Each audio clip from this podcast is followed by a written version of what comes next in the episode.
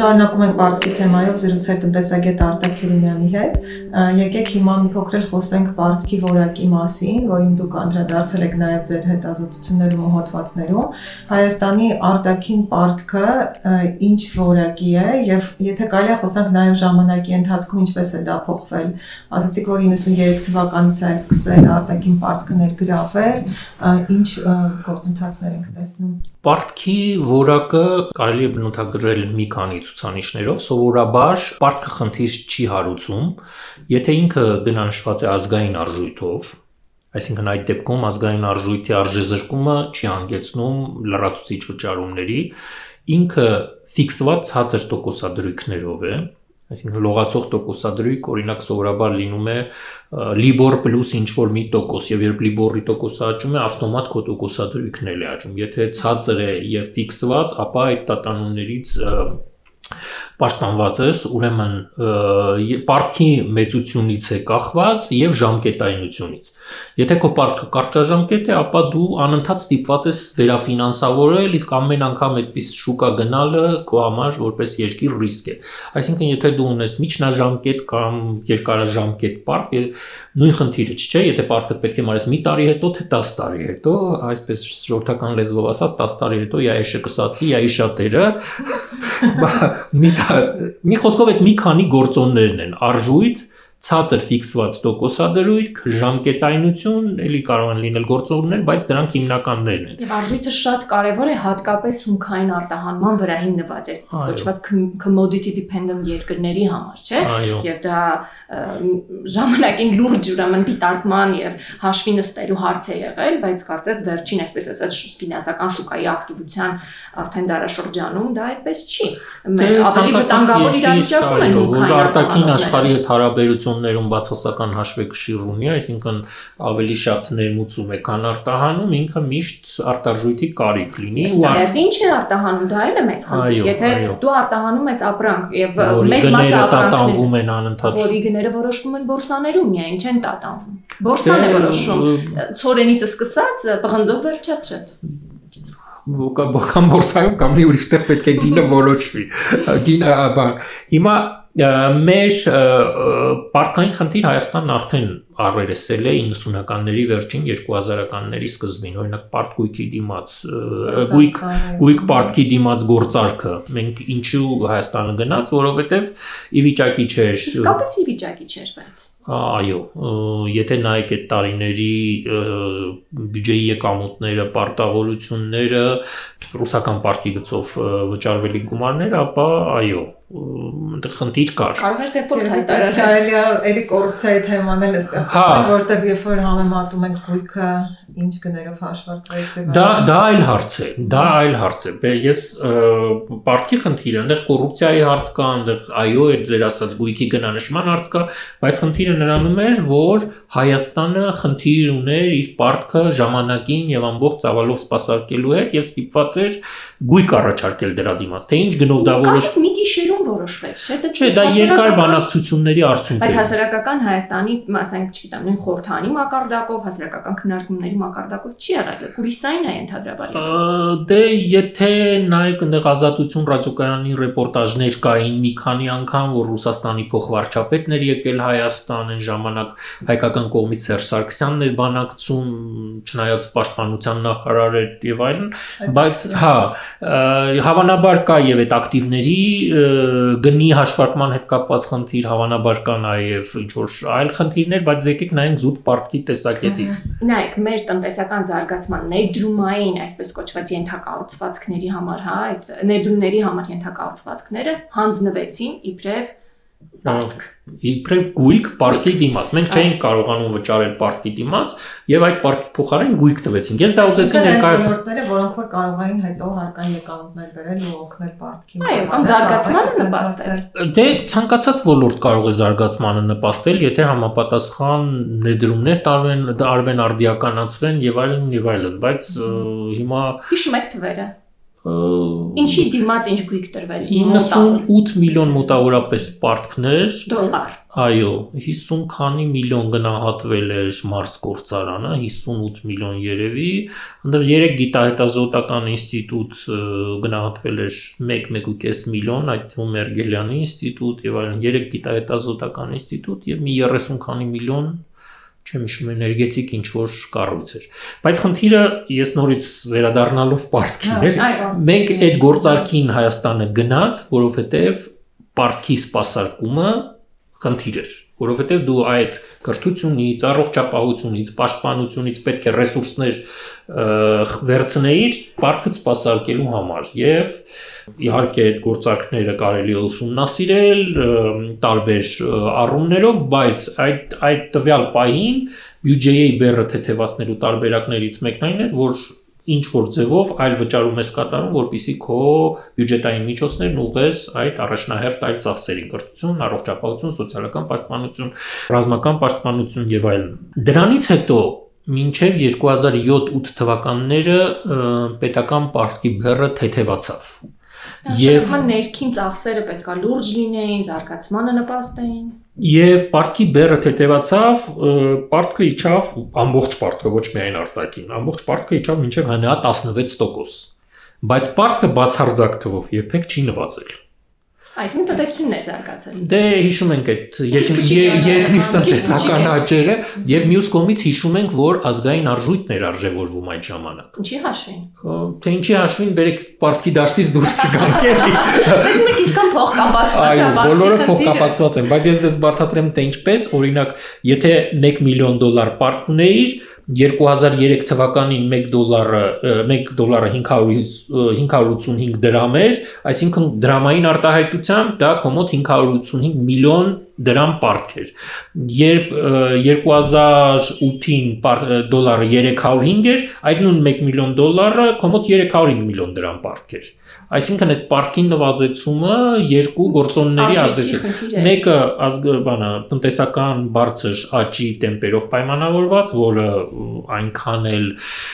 sustainable չէր, կայուն չէր, ինքը որոշակի փուչիկի տպավորություններ թողնում եւ շատ արագ երկու շատ արագ 2009 թվականին պայթեց եւ մյուսը այդ ազգային արժույթի արժևորման հետևանքեր այդ երկու գործոններով ինքը պարտքը շատ արագ 3-4 տարվա ընթացքում իջավ մինչև 16%։ Բայց արդեն 1-2 տարի հետո այդ 2009 թվականի ֆինանսատնտեսական 500 միլիոն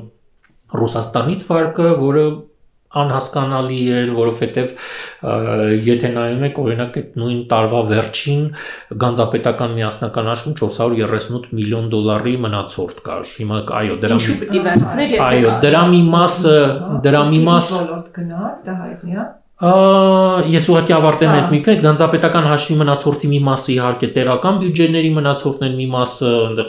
չեն ժամանակ ծիգերը չկար ինչ որ այլ հաշիվների մնացորդներ կային բայց հաստատ մի զգալի մասը պետական բյուջեի միջոցներ էին այսինքն եթե 500 միլիոն չէ գոնե կարող էին 200 կամ առավելագույնը 300 միլիոնով սահմանափակվել դա պահոստային ֆոնդն է Չէ, դա Գանձապետանում այն ժամանակ անունը դրեցին ինչ որ հակաճգնաժամային ֆոնդ թե ինչ, բայց Գանձապետական միասնական հաշվի ենթահաշիվ էր ինքը։ Այդ միջոցները նաև ինչքան ես հիշում եմ, կարճաժամկետ վարկ տվեցին պղնձ արդյունաբերությանը շատ ինչ որ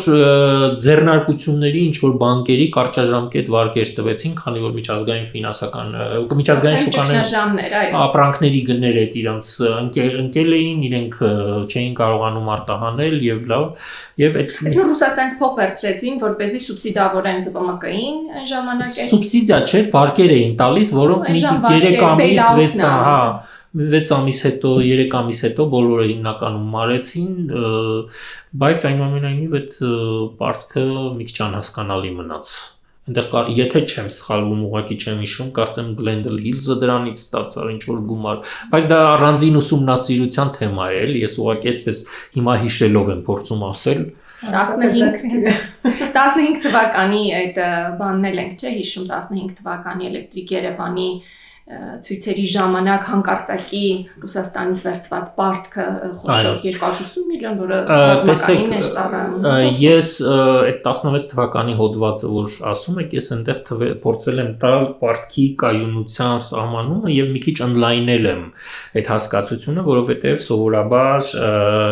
պարտքը համարում են կայուն, եթե առանց քո հարկաբյուջետային քաղաքականության մեջ փոփոխություններ կատարելու դու կարողանում ես սպասարկել, այսինքն փոփոխությունը ի՞նչ է, եթե դու չես նվազեցնում ծախսերդ կամ չես ավելացնում հարկերը, դու կարողանում ես սպասարկել պարտքը։ Դա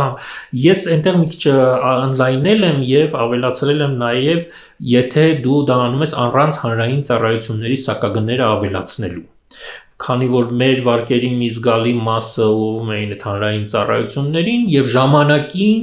ես իհարկե խորը չեմ ուսումնասիրել այդ հարցը եւ ուղղակի այդ մամուլի հրապարակումներով եւ այլ հայտարարություններով եմ հիշում, ասում էին, որ այ մենք կարդիականացնենք այդ համակարգերը, էներգետիկ, կապի եւ այլն, այնտեղ այո, ավելի արդյունավետ կաշխատեն այդ համակարգերը եւ այդ խնայողությունների հաշվին մենք ոնց որ արդեն կմարենք այդ պարտքերը Երբ եկավ պարտքերը մարելու ժամանակը ողջվեց, որ արդիականացված չեն։ Արդիականացված չեն եւ պետք է սակագները բարձրացնել մի նման դեպք եւ ավեներգետիկ համակարգի հետ կապված եւ պետական պաշտոնյաներից մեկը ես ուղղակի չեմ հիշում ասել, որ եկելա պարտքերը մարելու ժամանակը պետք է սակագինը բարձրացնենք, որպեսզի կարողանանք պարտքը մարել։ Այսինքն այն նախնական խոստումը որը ենթադրում եմ ինչ որ տեղ պետք է որ այդ փաստաթղթերում հիմնա դրված լինի, թե ինչի հաշվին է, ինչ նպատակներ են հասնելու, որ այդ արդյունավետության հաշվին խնայողություններ կձևավորվեն, որոնց միջոցով կկատարվի պարտումարումը, այդ նախնական այդ խոստումը այնքան էլ ճիշտ դուրս չեկավ եւ սկսեցին սակագները հանրային ծառայությունների բարձրացնել, որpիսի նաեւ կատարեն այդ պարտքերի գծով վճարում։ Դա թվականից էր հիշում եք։ Չէ, բայց այս բոլոր սակագների բարձրացում անընդհատ ունեցել են ջրի վարձի բարձրացում, լույսի բարձրացում։ Եվ մենք վարկերի մարմիններն էլ անընդհատ սպասարկումներն էլ անընդհատ ավելացել են, եթե ուշադրություն կդարձնենք, այդ հատկապես աճերը սկսեցին, երբ մեր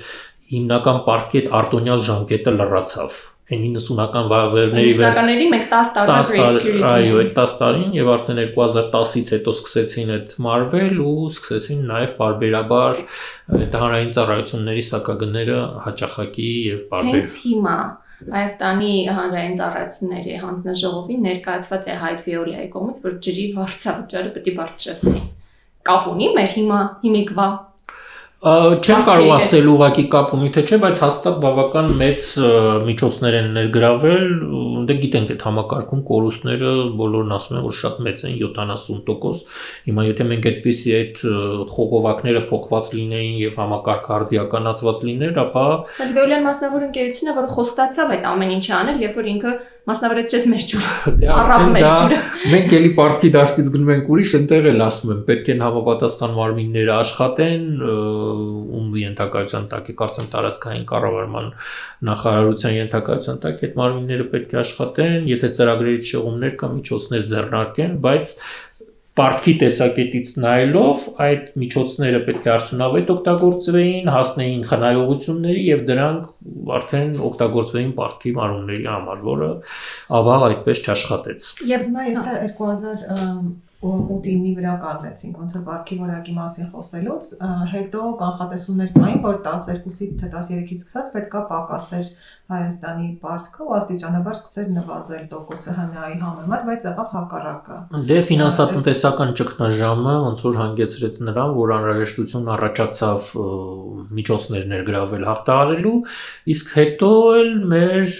բարձրաստիճան պաշտոնյաները հայտնաբերեցին այնպիսի գործիք, ինչպեսին Եվրոպարտատոմսերն են։ Ինչպես ասեցի մեր խոսակցության սկզբում, եւ միջազգային ֆինանսական կառույցներից ես դու վարկ միջոցներ գրավում, դու ինչ որ պարտավորություններ ես ստանցնում, լավ, վատ, այնուամենայնիվ ինչ որ բարեփոխումներ կատարելու պարտավորություն եւ այդ կառույցները եւ ինչ որ հսկողություն են իրականացնում քո ծրագրերի կողմից իրականացվող ծրագրերի նկատմամբ եւ տեխնիկական օժանդակություն են ցույց տալիս Եվրոպարտատոմսերի դեպքում այդպիսի հսկողություն եւ այդպիսի օժանդակություն չկա, պարտատոմսերը տեղաբաշխի, միջոցը բեր շուկայում բազմամիլիոնանոց այո եւ այդ միջոցները ինչ ուզում է սարա որևէ վերահսկողություն չկա փաստացի երկրին այստեղ նաև շատ հետաքրքիր մի դրվագ կա որ միջազգային ֆինանսական կառույցների հետ այդ վարկային համաձայնագրերը իրենք միջազգային պայմանագրեր են հաստատվում են պարլամենտներում եւ պետք է հաստատվեն ազգային ժողովի կողմից իսկ ֆինանսական շուկայում թողարկված պարտատոմսը ինքը միջազգային համաձայնագիր չի եւ որևէ հաստատում ազգային ժողովի կողմից չի պահանջում։ Եվ նաեւ գործադիրը կարող է իր հայեցողությամբ դա անել իր հայեցողության տեսականորեն ինքը պետք է բյուջեում դրա մասին նշի եւ բյուջեում պետք է ցույց տա պակասուրդը, պակասուրդի ֆինանսավորման աղբյուրներում դա պետք է նշի, բայց ոչ 13 գրվեց օրինակ մեր հունվարի վերցրած ահռելի այդ պարտատոմսը։ Չեմ հիշում անցյալ տարին, բայց ոչ 13 թվականի, ոչ 15 թվականին թողարկված եվրոպարտատոմսերը բյուջեում չկային եւ հետո թողարկումից հետո փաստացի փոփոխություն են կատարել բյուջեում եւ մտցրել են դա էլ մեր ազգային ժողովի վերահսկողական գործառույթները չիրականացնելու արդյունք է։ Մեր 21 թվականի Եվրոպարտատոմսերը ինչին ծառայեցին գրված է պետության այդ հաղորդակցության մեջ ռեզերվի համար։ Եվ մենք գիտենք, որ մեր պաուստային ռեզերվը օգտագործվեց ըստ COVID-ի Եվ հնարավոր է Դե եթե նայեք կենտրոնական բանկը ամեն օր հրապարակում է իր հաշվեկշիռը եւ այնտեղ կա կառավարություններ պարտատոմսերի նկատմամբ։ Ես մոտ 1 ամիս առաջ եմ նայել, այնտեղ կառավարության գանձապետական միասնական հաշվին դեռևս 400 միլիարդ կար։ Նորից եմ ասում, այդտեղ կա նաև տեղական ինքնակառավարման մարմինների հաշիվների մնացորդը, ծիգերի, պոակների հաշիվների մնացորդները, բայց 400 միլիարդը ենթադրենք նրանցը թող լինի 20-25 կամ լավ 30% մնացածը պետք է որ լինի կառավարության հաշվի մնացորդ, այսինքն բավական մեծ ծավալով միջոցներ դեռևս գտնվում են գանձապետական միասնական հաշվում։ Կարող ենք բացել, ես ցույց կտամ ձեզ այդ թե որտեղ է կենտրոնական բանկը ամեն օր իր հաշվեկշիռը հրապարակում է եւ այդ տվյալները այնտեղ երևում են։ Հիմա փաստորեն այս 20 թվականից հետո կորոնավիրուսով ու պատերազմով պայմանավորված էլի ահրելի չափով աճեց Հայաստանի արտաքին պարտքը ու երբ որ նայում ենք գործադիրին, իրանք կարծես թե նորից հանքարդյունաբերության ոլորտում խոշոր ներդրումներ ներգրավելով գուցե հույս ունեն այդ ձևով ավելացնել հարկային եկամուտները, ինչը որ գիտենք ոչ կայուն ձև է, որովհետև նախ կարճաժամկետ դա եւ մյուս բոլոր վնասները կա միջազգային փորձ, որտեղ որ նման դժվար իրավիճակներում կամ ընդհանրապես տնտեսա տնտեսության ինչ ճյուղերի զարգացմամբ հնարավոր է կենսական ձևերով պարտքի նման բանից դուրս գալ։ Դե պարտքի ինչ որ բերը թեթևացնելու տարբերակը սովորաբար նշեցի, չկա հայտնի չի մի երկիր, որը պարտքի բերը թեթևացրել է պարտքը մարելով ես այդպես հիմա որ փորձեմ Հիմնականում ներում են, այսինքն ներելով չի կամ տնտեսական աճը ավելի աճի տեմպը ավելի բարձր է լինում, քան պարտքի աճի տեմպը, ոնց որ ինչը որ մեր մոտ օրինակ մասնավորապես եղավ այդ 2000-ականների սկզբին չնայած աստեն ասեցինք որ այդ տնտեսական աճի տեմպը տնտե փուչիկ էր ինքը, բայց քանի որ երկնիշ տնտեսական աճ էր, իսկ պարտքը այդքան արագ չէր աճում, իջ տեսակարար կշիռը հնայի մեջ նվազում էր կամ դեֆոլտով են նվազեցրել, բայց դա երկար տարիներ, օրինակ նույն ձեր ասած Արգենտինան, եթե չեմ սխալվում, 4 անգամ շատ անգամ 2001 թվականի ճգնաժամից հետո յուրաքանչյուր ներդրած 1 դոլարի դիմաց ներդրողները 23 ցենտ ստացավ, ստացան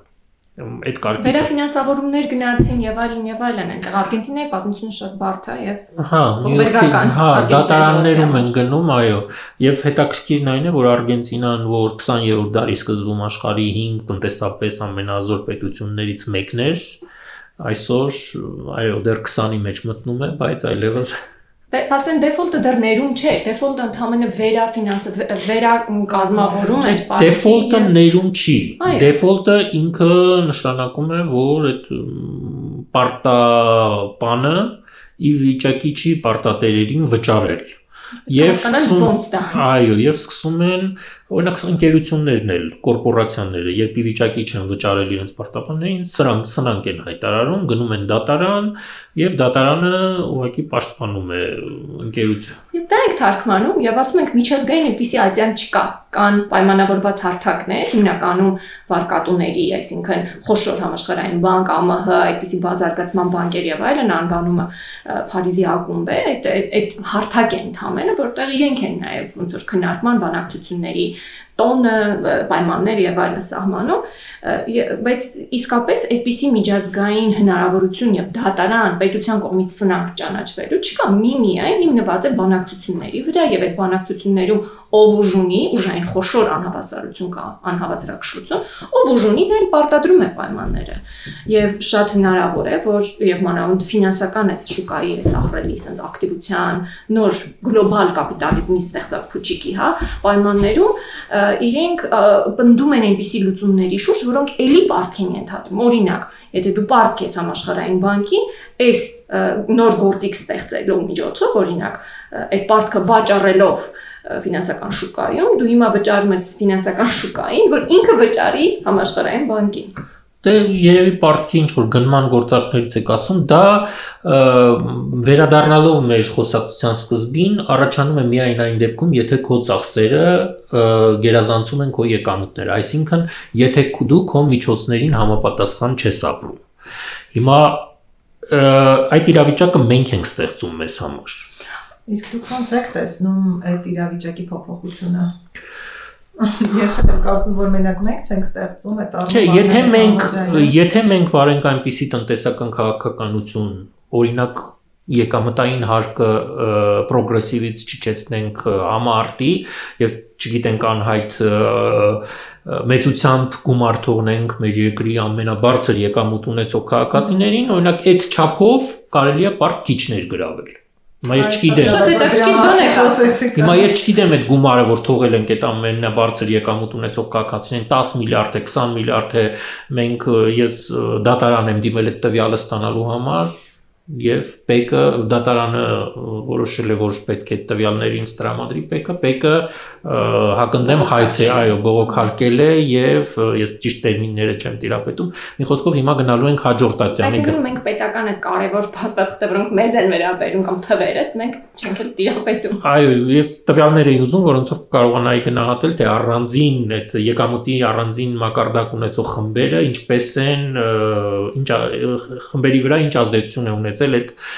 եկամտահարկի փոփոխությունը։ Հիմա կարող է, ես չգիտեմ, կարող է 50 միլիարդ է։ Ինչքան որ մենք այնտեղ կորցրել ենք եկամուտ, այդ չափով մենք կարող էինք պարտք չներգրավել։ Հիմա ասեք, մեր երկրի մեր երկրի որոշումը չէր դա։ Մի մի կողմից դա ճիշտ եք ասում, բայց եթե ես sense ուղակի անհատական ընտանիքների մեր սեփական կյանքի օրինակով վերցնեմ, 150 հազար աշխատավարձ ստացող, դրամ աշխատավարձ ստացող ընտանիքում անհնար է ոդկը վերմակի չափ մեկն է։ Դա անհնար է, որովհետև այդ ընտանիքում երեխա է մեծանում, որը ընդունենք անվճար դպրոց է գնում, բայց դպրոցից հետո պիտի անպայման վճարովի համասարան գնա։ Դա ուրիշ տարբերակ չունի այս երկիրը։ Եվ այդ ընտանիքում հաստատ այդ ամսվա ընթացքում, եթե նույնիսկ 150.000 դրամը բավարար է միայն սև հաց գնելու համար, եթե ընդունենք, որ իրենք ունեն գույք, բարձավճար չեն վճարում եւ այլն ուրեմն իրենք չեն կարող հիվանդանալ, իրենք չեն կարող հագուստ գնել։ Հիմա նայեք, իրեն մեղադրել ասել, որ դու քեզ պարտք վերցնում կամ այո, կոմունալ վճարները։ Հիմա նայեք, ինքը գնում է բանկ, շատ པարս պատճառով, որովհետև որևէ բազային իմաստով որևէ հնարավորություն հնարավորություն չունի այդ կարիքները հոգալու։ Հետո կողքից կշտից կամ բանկից իրեն մեղադրում են, ասում են դու վատն ես, չվերցնեիր քո մեղավորությունը։ Էլ չասես Նիկոլ Փաշինյանի արտահայտությունը, ասում մարդկանց ուղեղումը աղքատություն է։ Իսկ բան չկա, չէ՞։ Նույն Հնդկաստանի օրինակը, այնտեղ աղքատության նպաստները տալիս են մարդկանց եւ այդ նպաստներով այդ մարդիկ վճարում են ամեն ամսվա տոկոսավճար եւ դա որևէ աղքատության նվազեցման էֆեկտ չունի նույնը կարելի է միգուցե Հայաստանում անել, ուղղակի այդ հետազոտությունը չկա։ Օրինակ Հայաստանում այդ սոցիալական անապահովության նպաստները, այդ մարդիկ ո՞նց են օգտագործում եւ ո՞նց է դա իրենց այդ անդունդային վիճակից հանում։ Վստահաբար չի անում, իրենք շարունակաբար աղքատ են մնում։ Այո, եւ դա մեր իշխանությունների կողմից տարվող տնտեսական քաղաքականության հետևանքն է։ Տեսեք, նույն արտասահմանում էլ Հյուսիսային Ամերիկայում հատկապես բուհերի ուսման վարձերն այնքան բարձր են, որ միջին ամերիկացին էլ չի կարող վճարել դրանց համար։ Ինչ են անում, կան student այդ ուսանողական վարկերի համակարգեր, որոնք մարդիկ վերցնում են եւ հետո իրանց աշխատանքային գործունեության տարբեր մեխանիզմներ։ Դա շատ խնդրահարույց հարց է, որովհետեւ հիմա Ամերիկայում ուսանողները մինչեւ ավարտելը մի քանի 100.000-ը պարտք ունեն։ Դե ես Ամերիկայում եմ ավարտել, իմ կուրսեցիներից մի քանիսին ճանաչում եմ,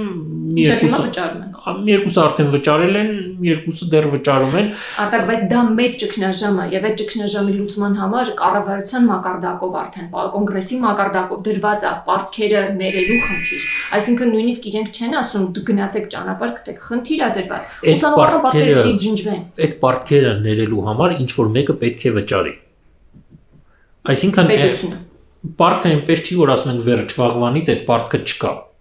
ինչ որ մեկը պետք է վճարի։ Սովորաբար վերջում դա իհարկե մնում է պետության վրա, բայց պետությունն էլ հասկանում ենք, որ կամ հարկային եկամուտ պետք է ունենա եւ դրանով վճարի պարտքը կամ ինքը պարտ պետք է վերցնի, որպիսի նրանց պարտքը վճարի։ Այսինքն կարա հարուստներից պարտք վերցնի, գոնե այդ ձևով արդարությունը մասամբ վերական։ Օրինակ հարկերը բարձրացնի, հարուստներից վերցնի եւ վճարի, օրինակ։ Դե գիտեք ոնց, օրինակ Հոլանդիայում 200.000 եվրոից բարձր եկամուտ ունեցողները 45% հարկ են վճարում։ Շվեդիայում էլ այդպես։ Ահա, հիմա ինչի պետք է ենթադրենք Հոլանդիայի կառավարությունը օժանդակություն ցույց տա մի երկրի, որտեղ միլիոնավոր դոլարներով, ասեմ, դոլարներ եկամուտ ունեցող 20% հարկ է վճարում։ Հոլանդիայի կառավարությունը կարող է ասել, ոչ, ես իմ քաղաքացուն հարկում եմ 45%, որպիսի աղքատ երկրներին նաև օժանդակություն ցույց տամ, դուք հարկում եք 20%։ Հարկեք եւ վճարեք ձեր կառավարությունը մեր պետության հետ այդքան հարաբերություններ չունի։ Ես օրինակ, հա, ես օրինակ եմ։ Կան կառավարություններ, որոնք մեր պետությանը թելադրում են տնտեսական քաղաքականություն։ Օրինակ, ամեն ինչ անել բիզնես միջավայրը բարելավելու, ամեն ինչ անել աշխատուժի, ուրեմն գինը ցածր պահելու համար եւ այսպես կոչված տնտեսական ներդրումներ ներգրավել երկրի։ Դրա համար չէ doing business բոլոր report-ները, այդ վարկանշային բաները, որ Հայաստանը անպայման պետք է բարձրի, բարձր պահելու գինը այնա, որ հարկերը պետք է նվազեցնեն։ Տեսեք, դրա այլ ընտրանքը ո՞րն է։ Պարտքը երկու ձև կա տնտեսական աճ ապահովելու կամ ներդրումներ կամ պարտք Հիմա ներդրումների դեպքում ներդրողը գալիս է իր ռիսկով իր արտասահմանյան ներդրումների մասն է խոսքը։ Տեղականն էլ։ Հիմա տեղական ցանկացած մարդ, եթե ներդրում է կատարում, ինչ որ արժեք է ավելացնում մեր տնտեսության մեջ, արտա նույնն էլ արտասահմանյանը, կամ ներդրումներով ես տնտեսական աճ ապահովելու կամ պարտքես ներգրավելու էլի ներդրումներ կատարես։ Հիմա ինչու են խրախուսում, որովհետև գոնե նա պարտք չի դառնում, որովհետև պարտքը հետո պետք է վճարես Ընդեղ էլ իհարկե կա որ շահույթի մի մասը կարող են հետո հանել երկրից եւ այլն, բայց նորից եմ ասում, խնդիրը ես парքի ինքնին парքի մեջ չեմ տեսնում, այլ թե քո նպատակները որոնք են, ինչպես ես ձգտում եւ ինչպես ես արդեն парքը ընդամենը գործիք է հասնելու այդ նպատակին։ Եթե տեսեք, դուք շատ լավ օրինակներ բերեցիք, օրինակ եթե հանքարծունաբերությունում ինչ որակի աշխատուժ է այնտեղ աշխատելու կրթական մակարդակով կորզիչ ոլորտ է կորզիչ օրինակի համար գյուղատնտեսությունում լավ գյուղատնտեսությունում ինչ որ այսինքն նրանք ոլորտներ են որտեղ հատուկ գիտելիքներ, հատուկ հմտություններ պետք չեն։ Դա դա այսինքն գիտատար չեն, որոնց մասին սիրում են խոսել մեր բարձրաստիճան պաշտոնյաները, որովհետեւ գյուղատնտեսությունը շատ ավելի գիտատար է, քան հանքարդյունաբերությունը։ Միանշանակ։ Չէ, ես երկու օր առաջ հաղորդում էի նայում, ուղղակի բուժներ Հայաստանում չկան, մեծ-մեծ դեֆիցիտ։ Հայաստանում ֆիզիկայի ուսուցիչներ չկան, քիմիայի ուսուցիչներ չկան։ Երկու տարի առաջ ես ասպարեզում հոդված հրապարակեցի վիճվարչության տվյալների հիման վրա 1400 դպրոց ունենք, 1000 ֆիզիկայի ուսուցիչ չունենք երկրում։ Եթե հաշվի առնենք, որ խոշոր բնակավայրերի դպրոցներում 2-3 ֆիզիկայի ուսուցիչ կարող ենք ունենալ, ապա նշանակում է մի շարք գյուղական բնակավայրերում ուղակի ուսուցիչ չունենք։ Հիմա դա ռիսկ է, որը մեր երկիրը նախ պետք է բացահայտի, հետո գնահատի, հետո կառավարի։ Լսել եք դրա մասին։ Ես մի 2-3 հոգի մարդ գիտեմ, որոնք խոսում են այդ թեմաներով։ Երկու օր առաջ չգիտեմ, Վահրամը Սողոմոնյան ասաց, որ առաջի դասարանցիները անցյալ տարի դպրոց գնացած կարդալու հետ կապված խնդիր ունեն։ Դա խնդիր է, որովհետև եթե այդ երեխեքը չեն կարող կարդան, երկու տարի հետո իրանք ֆիզիկայի տեքստ չեն կարողանալու կարդան, քիմիայի տեքստ չեն կարողանալու 6-րդ, 7-րդ դասարանում կարդալ։ Արտակ մենք նույնիսկ պարտքի վատ որակի մասին խոսակցությունների վարողների մասին չգիտենք։ Այսինքն մենք հիմա խոսում ենք, բայց հիմնականում լրացման հիմնականում զանգվածային լրատվամիջոցներով հանդես են գալիս մարդիկ, որոնք ցենց սիրուն փոփուշ տնտեսագիտական մի քանի տերմիններով համեմված դիսկուրս սիրում են խոսել, որ հնայի 60 քանի տոկոսն է, Ճապոնիայում 250% է, բայց Ճապոնիայի парքի որակը Ճապոնիայում այսօր չի 250%, արդեն երկար։ Իտալիայում եւ Բելգիայում արդեն 30 տարի պարտքը հնայից 100%-ից ավել է, բայց Իտալիան եւ Բելգիան քննիչ չունեն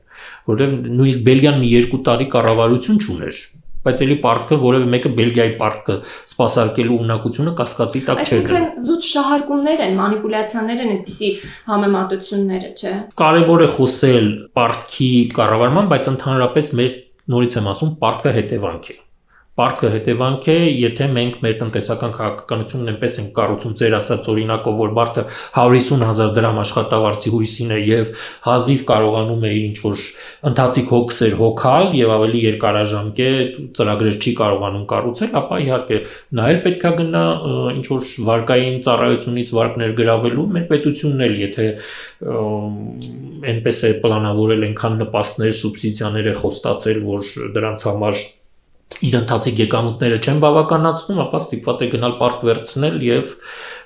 տալ, սուբսիդիա տալ, որոնք տնտեսական աճին չեն նպաստելու։ Եթե այդ վարկերը գոնե ներդրվեն տնտեսության մեջ եւ տնտեսական աճ ապահովեն, ելի ուրիշ բան է, այդ ոսկի կանոննա, որի մասին խոսում են։ Արտակ, բայց ես ասենք հիմա սոցիալական տեսանկյունից եմ նայում, սուբսիդիաները եւ նպաստները կարեւոր են մարդկանց անդունդից հանելու եւ այդ մարդկանց ակտիվության եւ աշխուժության մեջ մտցնելու իմաստով։ Դրանք նույնպես պետք է համարել տնտեսական։ Այսինքն, երբ որ դու նպաստ ես տալիս աղքատ ընտանիքին, որ ինքը աղքատությունից դուրս գա,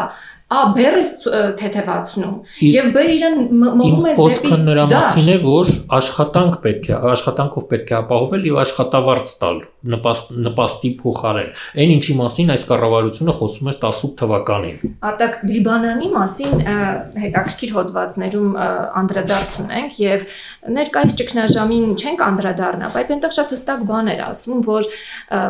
աշխարհի ֆինանսականացումը եւ մասնավորապես Լիբանանում ֆինանսականացումը, ինչը իրենից ենթադրում է ֆինանսական հատվածի խոշորացում եւ ահռելի քաղաքական ազդեցությունը, հանգեցրել է նրան, որ ուրեմն բանկերը իրենք թելադրում են պետական քաղաքականություն այն իմաստով, որ իրենք ոչ թե շահագրգռված են եւ ստիպում են, որ կառավարությունը համապատասխանաբար վարվի, ոչ թե շահագրգռված են, որ անդադ աշխատատեղեր ստեղծվեն եւ այլն եւ այլն, այլ որպեսզի իրենք կառուցեն բնակելի թաղամասեր եւ հիպոթեկներ վար տան, հիպոթեկային վարկեր տան եւ դրանով ահռելի գումարներ։ Այսինքն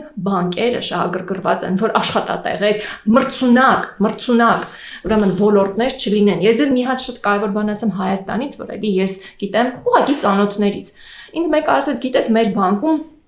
ռիսկերի կառավարման բաժնում։ Գիտես որն է ամենառիսկային ոլորտը։ Ասում եմ, որն է ամենառիսկային ոլորտը։ Ասում եմ, արտադրությունը։ Ինչու՞, որովհետև ամենամրցունակն է։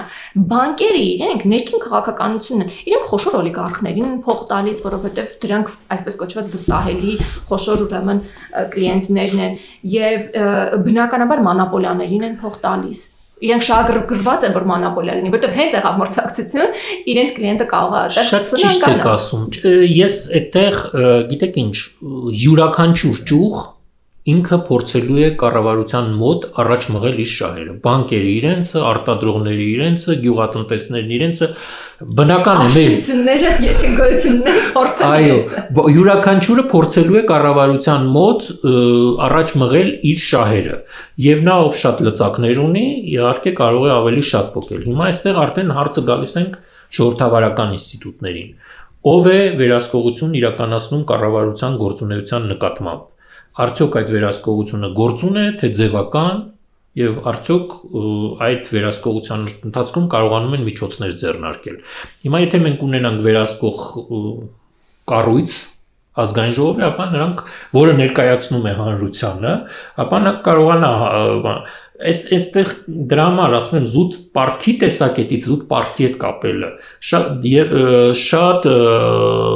կսահմանափակի մեր խնդրի ընկալումը եւ խնդրի լուծումների որոնումը։ Սա կապված է եւ տնտեսական քաղաքականության հետ, մենք չենք ուզում որ այդ մարդիկ 150000 դրամ եկամուտի հույսին մնան, մենք ուզում ենք որ իրենք շատ ավելի բարձ, մենք չենք ուզում որ մարդիկ նպաստի հույսին մնան, մենք ուզում ենք որ մարդիկ աշխատանք ունենան եւ բարձր եկամուտ ունենան, մենք ուզում ենք որ մարդիկ ներգրավված լինեն գիտատար ճյուղերում եւ այլն եւ այլն։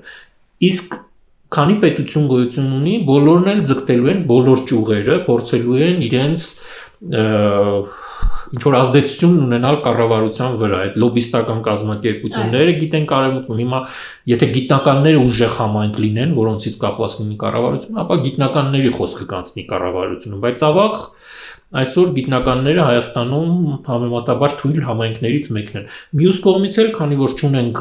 ուժեղ ժողովրդավարական ինստիտուտներ, այո,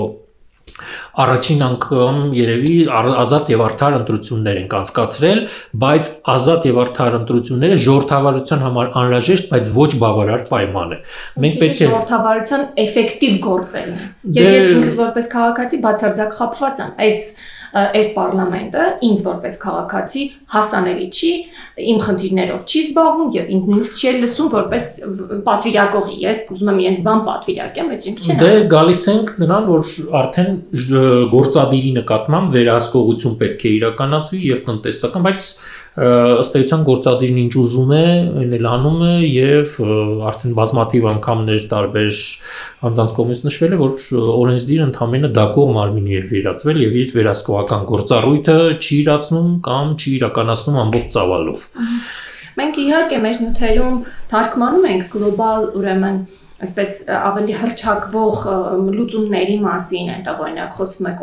օրինակ բարքի խնդիրը ավելի արմատ արմատների մակարդակում բուն արմատների մակարդակում լուծելու տարբեր եղանակների մասին օրինակ բանկերի կոոպերացիաներ ստեղծելու մեթոդով, որ որ բանկերը ոչ թե լինեն այսպիսի գիշատիչ աշխարհուական կառույցներ, ինչպիսին կան հիմա, այլ իրենք ուրեմն ենթակա լինեն ժողովրդավարական ինչ որ միած սկզբունքի, որ ավանդատուները եւ այդ բանկային բանի մասնակիցները իրենք նաեւ որոշումների կայացմանը մասնակցեն եւ դա ինչ ինչպես է այդ օրինակը բերում կան այդպիսի օրինակներ եւ Միացյալ Նահանգներում եւ մի քանի այլ երկրներում կոոպերատիվ բանկերի ամենախոշորը իհարկե Գերմանիան է ես նույնիսկ անձամբ ծանոթներ ունեմ, որոնք այդպիսի ուրեմն հատուկ այդպիսի բանկերից են օգտվում, որ իրենք որոշում են, թե բանկի վարկային, այսինքն ներդրումային այսպես կոչված ուղղությունը որտեղ գնա, եւ իրենք ասում են մենք ուզում ենք լոկալ տնտեսությունները զարգացի, եւ նա ստեղծում է աշխատատեղ։ Այսինքն կոոպերատիվ բանկը ինքը շահագրգռված է իր համայնքում կամ իր տարածաշրջանում աշխատատեղ ստեղծելու հարցով։ Իսկ մեր բանկերը ընդհանրապես ինչ են անում։ Ես եթե կարող եմ կարելի է ես ձեզ մի հարց տամ, էլի։ Օրինակ Գերմանիա Գերմանիայում, Ֆրանսիայում, Հոլանդիայում, Շվեդիայում հիմա պետական պարտատոմսերի 2-5 10 տարանոց պարտատոմսերի եկամտաբերությունը բացասական է։ Այո, եւ դա հիմնական ֆինանսական շուկան խնդրում է, ասում է, ինչ ինչի է ձեր ասած այդ գիշատիչ բանկերը չեն կարողանում նրանց պարտադրել, նրանք շատ հուսալի վարկառուներ են։ Գերմանիան աշխարհի ամենահուսալի երևի 3 վարկառուներից մեկն է։ Ինչու չեն կարողանում պարտադրել, որ նա 5% պարտքի դիմաց վճարի։ Արտա գոյություն ունի գլոբալ հյուսիս զարգացող երկրներ եւ գլոբալ հարավ։ Տեսեք դուք ես դա կապում եմ նրա հետ, որ Գերմանիայի տնտեսությունը այնքան ամուր է եւ այնքան ամուր ֆիսկալ հարկաբյուջետային քաղաքականություն 19 թվականին որ ամբողջ աշխարհը դեֆիցիտի մեջ դեֆիցիտ ուներ, Գերմանիայի բյուջեն 50 միլիարդ եվրո պրոֆիցիտ ուներ, հավելուրդ ուներ եթե ինքը հավելուրդ ունի, ինքը կարիք չունի նոր պարտներ գրավելու եւ ոչ մեկը չի կարող նրան պարտադրել։ Նույնը Ֆրանսիայում, նույնը Շվեդիայում։ Ինչը աղքատ երկիր լինել է, ուրեմն մեզ համար, չգիտեմ, դատապարտում է։ Աղքատ երկրներից Ձեր հանել չենք կարող։ Աշխարհում կան մի քանի երկրներ, 10 12, 13 երկրներ, որոնք կարողացել են միջին եկամուտ ունեցող երկրների թվից դասվել բարձր եկամուտ ունեցող երկրների թիվը։ Այսինքն այդ երկրների փորձը վկայում է, որ հնարավոր է հաղթահարել այդ պատը, այդ պատնեշը եւ հասնել բարգավաճման, բայց դա պահանջում է որոշակի կոնկրետ ավելի երկարաժամկետ ժամկետ նպատակաուղված տնտեսական քաղաքականություն, ինչպես նաև ժողովրդավարական բարեփոխումներ, դատական համակարգի անկախություն, բոլոր այդ երկրները հաջողությունների են ասել բոլոր այդ բնակավարները։ Նույն իմաստով ենթասահարյան Աֆրիկայի երկրները, որոնք չզարգացած երկրներ են, թաղված են կոռուպցիայի մեջ, միևնույն ժամանակ շարունակաբար պարտք են ստանում, այդ կոռուպցիայի խնդիրը չի լուծվում, Glencore-ը, որը օրինակ խոշոր հանքարդյունաբերական ընկերություն է եւ ասենք նույն Կոնգոյի ուրեմն հումքի, հա, հանքահումքի կորզողն է, ինքն է շատ բան թելադրում այդ երկրի եւ նույնիսկ պարտքա տալիս այդ երկրին։ Ունի խայտարակ բան է կատարվում։ Գիտեք, եթե երկիրը, եթե երկիրը Բայց ես նույնիսկ եմ կրկնում, դա երկկողմանի հարաբերություն է։ Անպայման իրենք այդ կոռուպցիային մասնակցում են։ Կոռումպացված միայն շինովնիկը չի, ինքը պայմանավորվում է վարկատուների։ Միանշանակ, միանշանակ համաձայն եմ։ Ես ուղղակի ուզում եի հասկանալ Հայաստանի արտաքին պարտքի թեթևացման ինչ գործողություններ են արվել։ Ես պարզապես հիշում եմ 16 թվականին կառավար կառավարության անդամները ակտիվորեն խոսում էին 16-17 թվականներին ակտիվորեն խոսում էին ուրեմն կլիմայի փոփոխության ուրեմն այդ մեխանիզմների շրջանակներում, այսինքն Փարիզի կոնֆերանսի շրջանակներում պարտավորություններ կատարելու համար, այսպես կոչված ուրեմն անտառատնկում պարտքի դիմաց ծրագրի մասին։ Դուք տեղյակ եք ինչ եղավ այդ ծրագրի ճակատագիրը։ Լսել եմ դրա մասին եւ գիտեմ որ խոսակցություններ եղել են, բայց որևէ ավելի էական փորձերի մասին չեմ լսել։ Այո, կան այդպիսի նախաձեռնություններ որ փորձում են ինչ որ բնապահպանական նպատակներ։ Հիմա շատ տարածված հարց են, որ ոչ պետական հատվածում, այլ կորպորատիվ հատվածում այս green bond-երի թողարկումը չգիտեմ։ Դե դա երևի green washing-ի, այսինքն մեր աչքերին թոզ փչել, բայց ես լսել եմ, որ եւ ինչալիվ պետական համակարգի ներկայացուցիչից, որ համաշխարհային բանկը թույլ չի տվել, որ Հայաստանը գնա պարտքի այդպիսի թեթևացման, մեկնաբանելով, որ դուք կարող եք ձեր ուրեմն պարտքը վճարել, պետք չի պարտքը թեթևացնել եւ այլն։ Մի խոսքով անարդար բաներ շատ կան եւ այստեղ օրինակ նույն parlamenti անդամները չգիտեն դրա, ինչի ես գիտեմ, բայց իրենք չգիտեն դրա մասին։ Դա հարց է։ Հա, իհարկե պետք է զբաղվեն, պետք է զբաղվեն այդ հարցերը, պետք է բարձրացնեն, բայց աղանաբար մեր կառավարությունը համաձայնվել է համաշխարհային բանկի հետ Դրանք հարցեր են Ձև ունես չհամաձայնվելու։ Դե այսպես Դրանք բոլորը քննարկման ենթակա հարցեր են, բայց այդ բոլորը աշխատանք է պահանջում, մանրամասն վերլուծություններ, ասում եմ ռիսկերի բացահայտում, գնահատում, կառավարում, ավաղ մեր կյանքում շատ ու շատ ռիսկեր դեռևս բացահայտված չեն եւ ոչ միայն պարտքի հետ կապված։ Եղավ շատ շնորհակալ ենք Արտակ, հետ շատ հետաքրքիր եւ բովանդակային զրույցի համար։ Ձեզ նույնպես շնորհակալություն։